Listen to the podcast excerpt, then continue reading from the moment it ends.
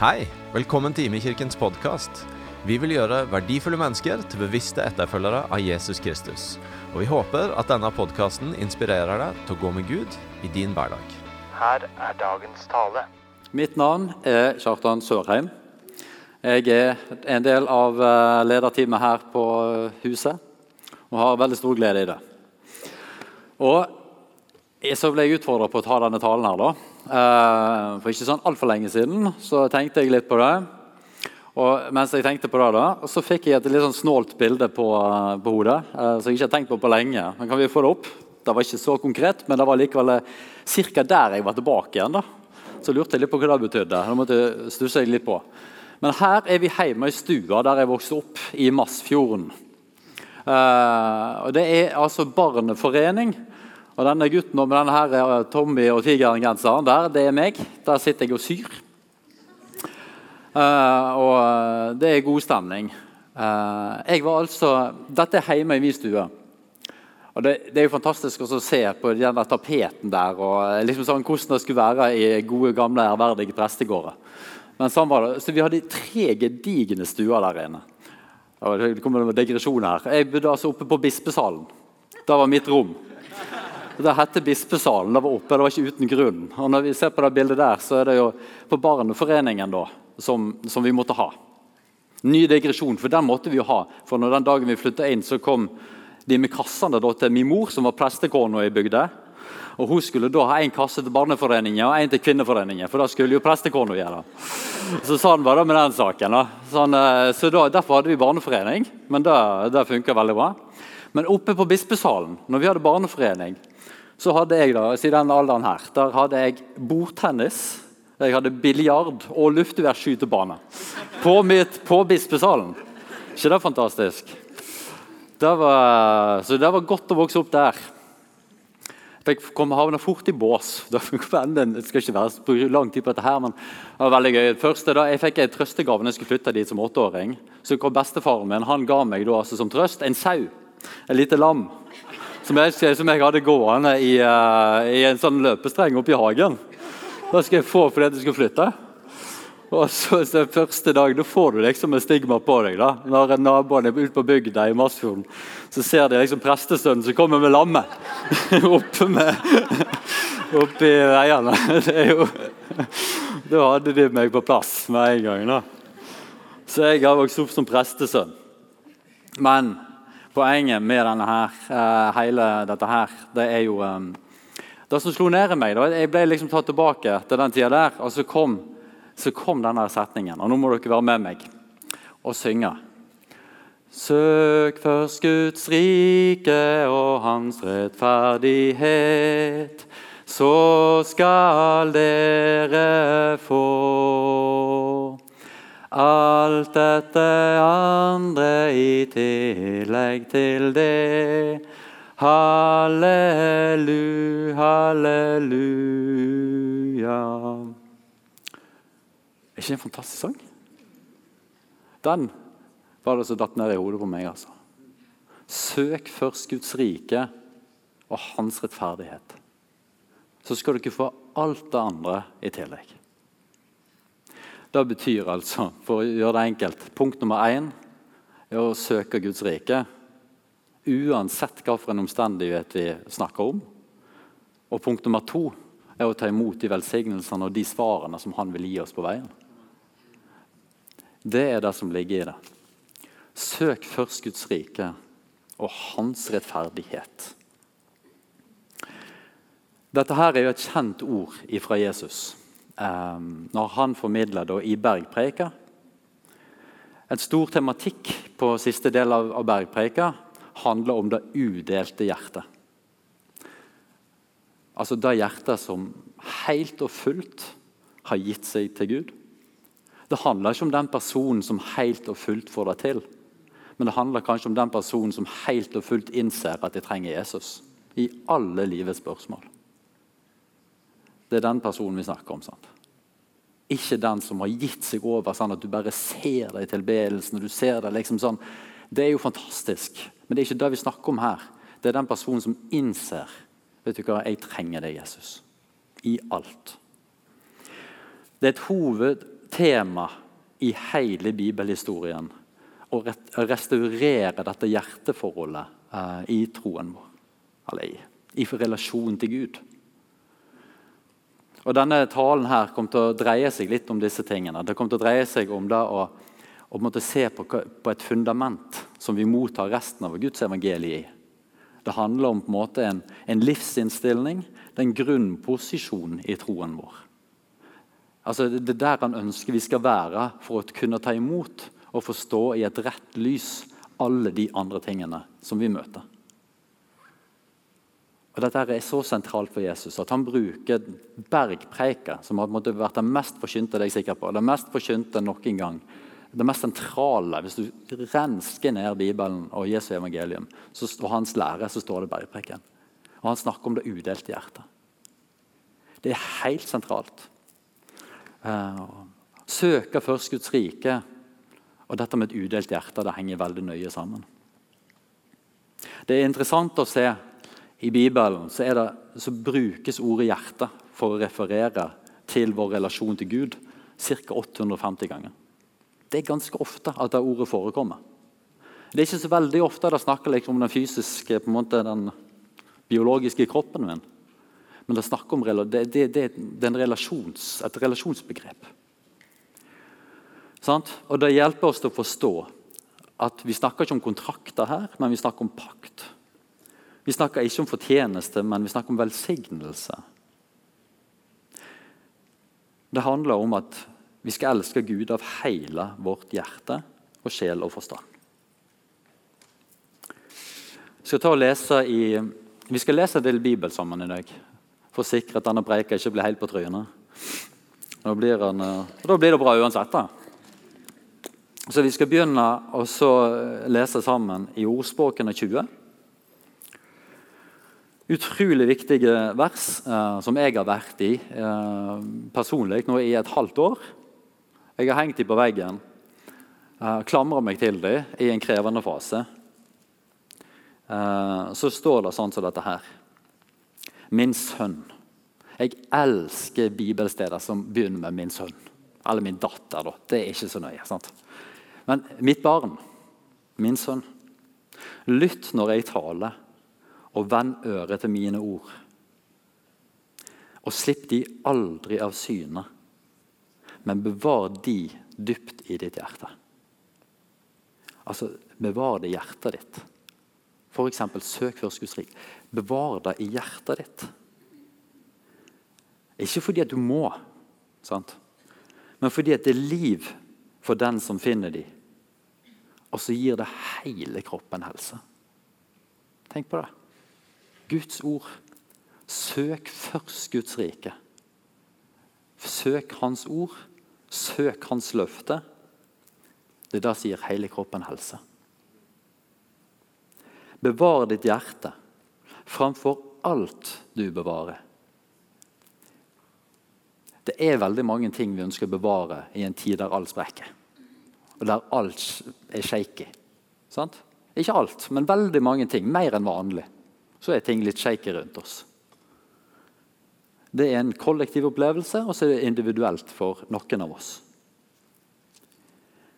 Men fremfor alt, bevar ditt hjerte. For livet går ut ifra det. Og Det betyr jo det at livet renner ut ifra dette hjerteforholdet til Gud. Sant? Det er ikke motsatt. Vi kan ikke, vi skal ikke bygge på hjertet vårt, vi skal ta imot og så skal vi bevare de tingene og de løftene. og Så skal vi våge å bygge ut ifra det. Med fare for å komme helt tilbake til Barneforeningen, her, så er det jo veldig i Masfjorden som dette med å bygge huset sitt på fjell. Det er òg en ting jeg har med meg. Så jeg virkelig ønsker at vi skal som fellesskap og hjelpe hverandre til å stå fast på. Hva betyr det da? At vi må bygge huset vårt på fjell, folkens. Og så må vi la resten av livet få lov til å bygges på det og renne ut ifra vårt hjerteforhold til Han.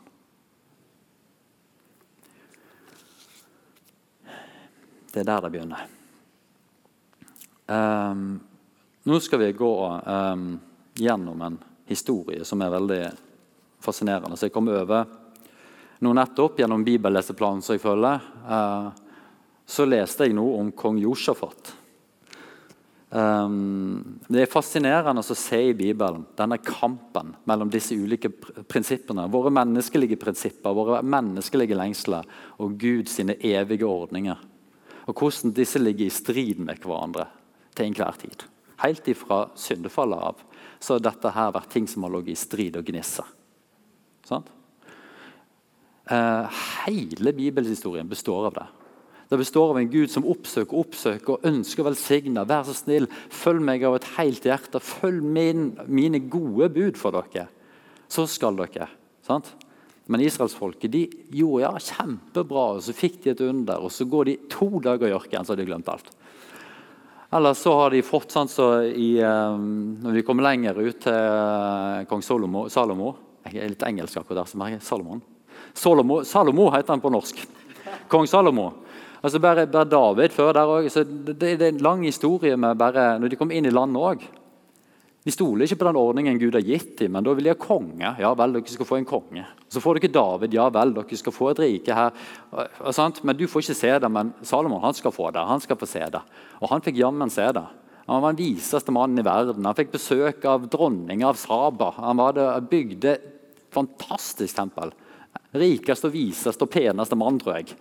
Jeg vet ikke hvor mange tusen kroner han hadde i tillegg. Men, altså, han, men de opplevde jo på en måte bare sånn der, eh, Alt gikk jo på en måte på skinner. Eh, gjorde ikke det, men litt sånn fortegna sagt. Eh, og så glemmer de med en gang. På slutten av sitt liv så, ja, så fikk han noen utfordringer. Nestemann så begynte det å skjære seg. Riket ble delt. De faller ned på en måte i vår, vårt menneskelige. Og så er de der. Men så er det denne kampen her hele veien. Gud trekker de tilbake. Gud gir, Gud gir de ikke opp. Han, han forfølger de. Nå skal vi lese. Det var det vi skulle.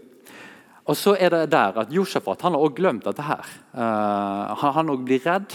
Uh, han uh, situasjonen og konteksten akkurat her i den passasjen vi skal lese nå, det er at de blir angrepen fra noen, altså Jerusalem er på en måte på vestsida av Dødehavet. På østsida var det bare en gedigen hær som skulle invadere eh, Israel og ta eh, Juda, eller Sørriket. Og så det, står det der at de allerede, denne svære hæren de står på en måte der eh, mest på østsida av eh, Dødehavet. Noen har kommet over allerede. Og så står det da, altså i vers 3 Da ble Josjafat redd. Og det skjønner jeg. Men men han vendte seg til Herren for å søke råd hos han. Så tar, Denne teksten her viser veldig mange gode valg man kan ta. Altså, i første omgang. Så ropte han ut en faste over hele Juda. Det var hans respons. Og Judeerne samla seg for å søke råd hos Herren. For alle byene i Juda kom de for å be Herren om råd. Nå står det videre i vers 12. Vår Gud, du skal dømme de, for vi står maktesløse. Sånn kan vi kanskje føle oss sjøl. Vi føler oss maktesløse i møtet vi står overfor. De da ovenfor denne store styrken som kommer mot oss. Og så er han dønn ærlig. Vi veit ikke hva vi skal gjøre, men våre øyne er vendt mot deg. Dette er et godt øyeblikk i Israels historie. Våre øyne Det er her Jesus nei, han var ikke kommet inn da, men det er der Jesus vil ha oss. Men det er der Gud ville ha dem. Vend øynene mot meg. Og da skjer dette her. Alle judeerne de sto der for Herrens ansikt med sine familier. Når jeg leste dette, syntes jeg det var et nydelig syn. Der står De de har den hæren som står imot dem. Så samler de familiene sine. Så står de der i klart mindretall, klamrer seg til Gud med sine kvinner og barn.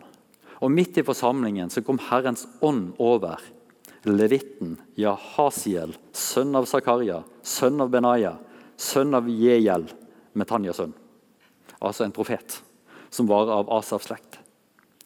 Og da sa han Lytt, alle jødeere, og dere som bor i Jerusalem, og du, kong Josjafat. Så sier Herren til dere, vær ikke redde og mist ikke motet for denne store styrken. Dette sier Gud, og han sier det til oss i dag. For dette er ikke deres kamp, men det er Guds kamp. kan vi gjøre de ordene til våre. Her gjør de mye lurt. Dra ned imot de i morgen når de er på vei oppover Sisbakken. Dere kommer til å møte de ved enden av kløfta ut mot Jerualørken. Men det er ikke dere som skal kjempe denne gangen. Dere skal bare være stille. Nei, dere skal bare stille dere opp og bli stående. Ja, være stille, ikke det? Det var en helt annen tekst. Så skal dere se hvordan Herren frelser dere. De skal stille seg opp og se hva Gud har på ferde. Være med på det Gud gjør, sant, Martin?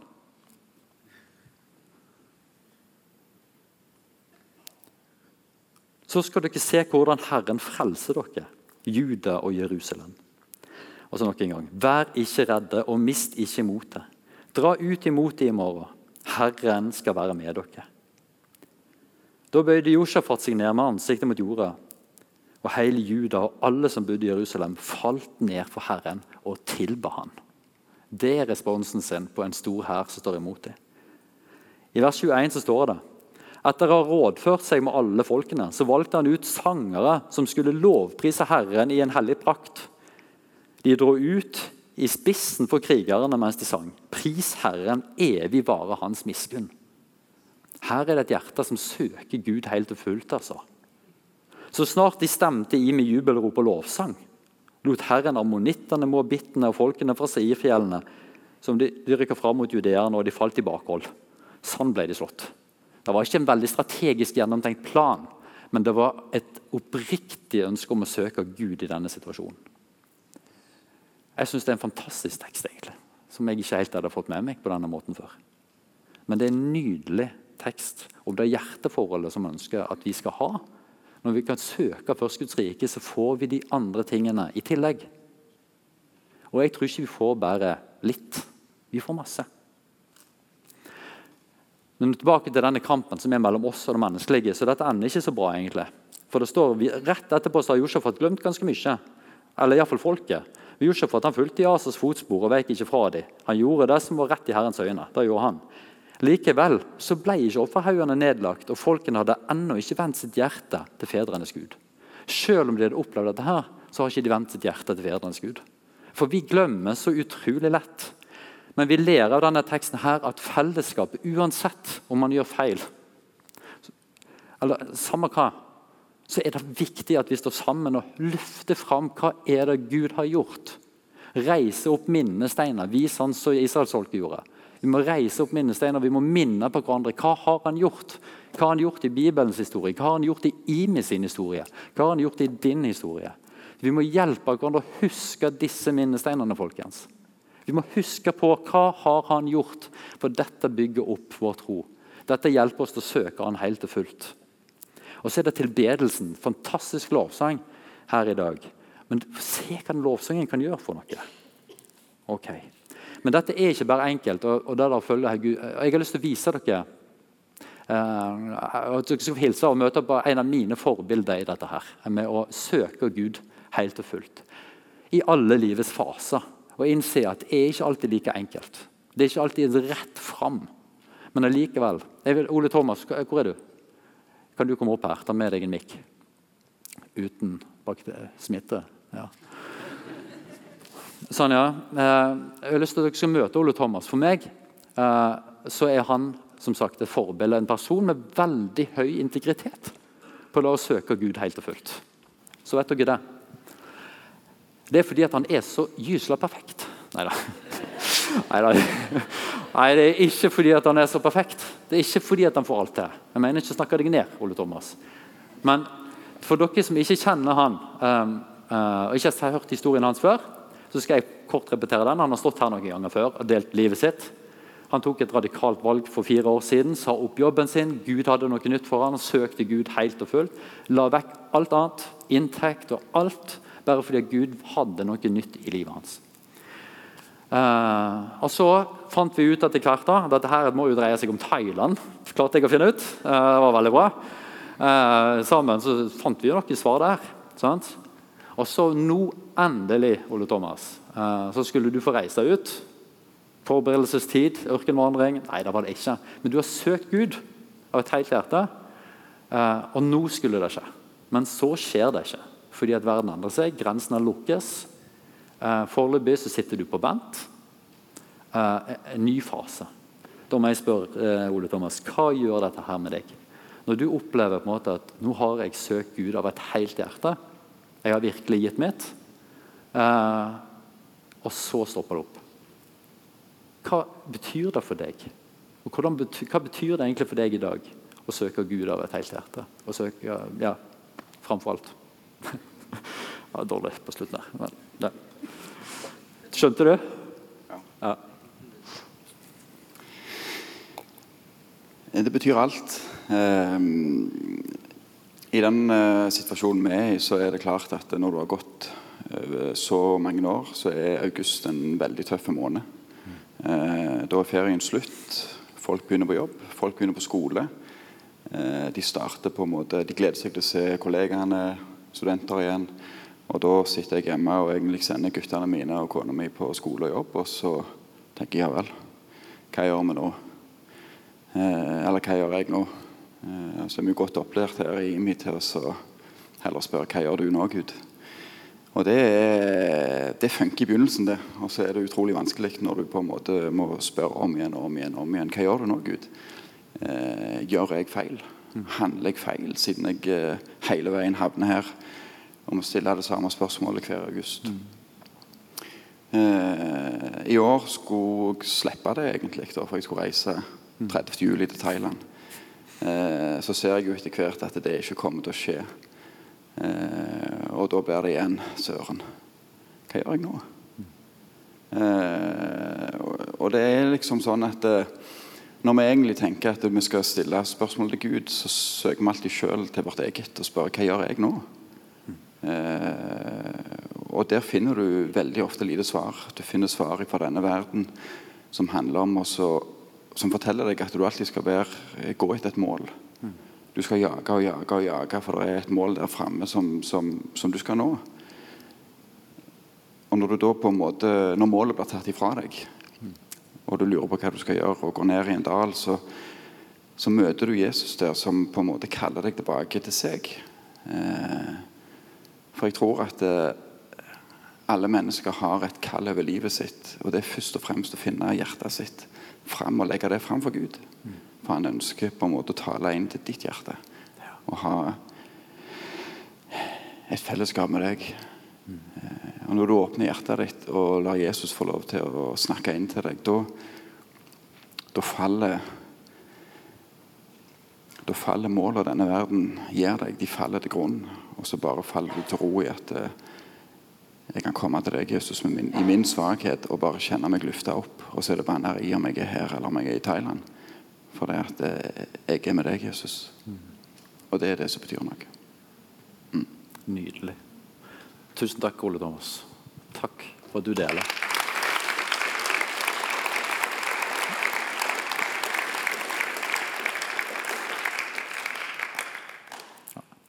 Er så utrolig trosstyrkende, selv om det ikke viser svaret, å forfølge en vandring av folk som ønsker å leve helhjertet med Jesus. Jeg har privilegiet av å gjøre det med Ole Thomas og med flere andre. Og Så er det midt i denne her sprukkenheten at vi skal få lov til å, uh, til å leve. sant? For det å ha integritet på disse tingene her er ikke det samme som å få det til. Men det handler mer om ærlighet. Det handler om det å våge å være transparent i de rette stedene. I de rette foraene. Og våge å dele liv, sånn som Ole Thomas gjør nå. Det er for meg sann integritet. Det er ikke å hoppe over ei list på 2.10, men det er på en måte å ja. Nå vil jeg at dere skal høre til slutt ja, jeg må avslutte nå. Vi har en halvtime nå i disse tider. Um, men hør her. Um, når vi deler vitnesbyrd, sånn som Ole Thomas gjør nå, så skal dere høre fra 2. Korinter uh, kapittel 4, fra vers 5 og utover 3-4 vers. 5 vers. Når han deler livet sitt, så betyr dette her Vi forkynner ikke oss sjøl, men Jesus Kristus som Herre og oss som tjenere for dere for Jesus skyld. Det er det han gjør.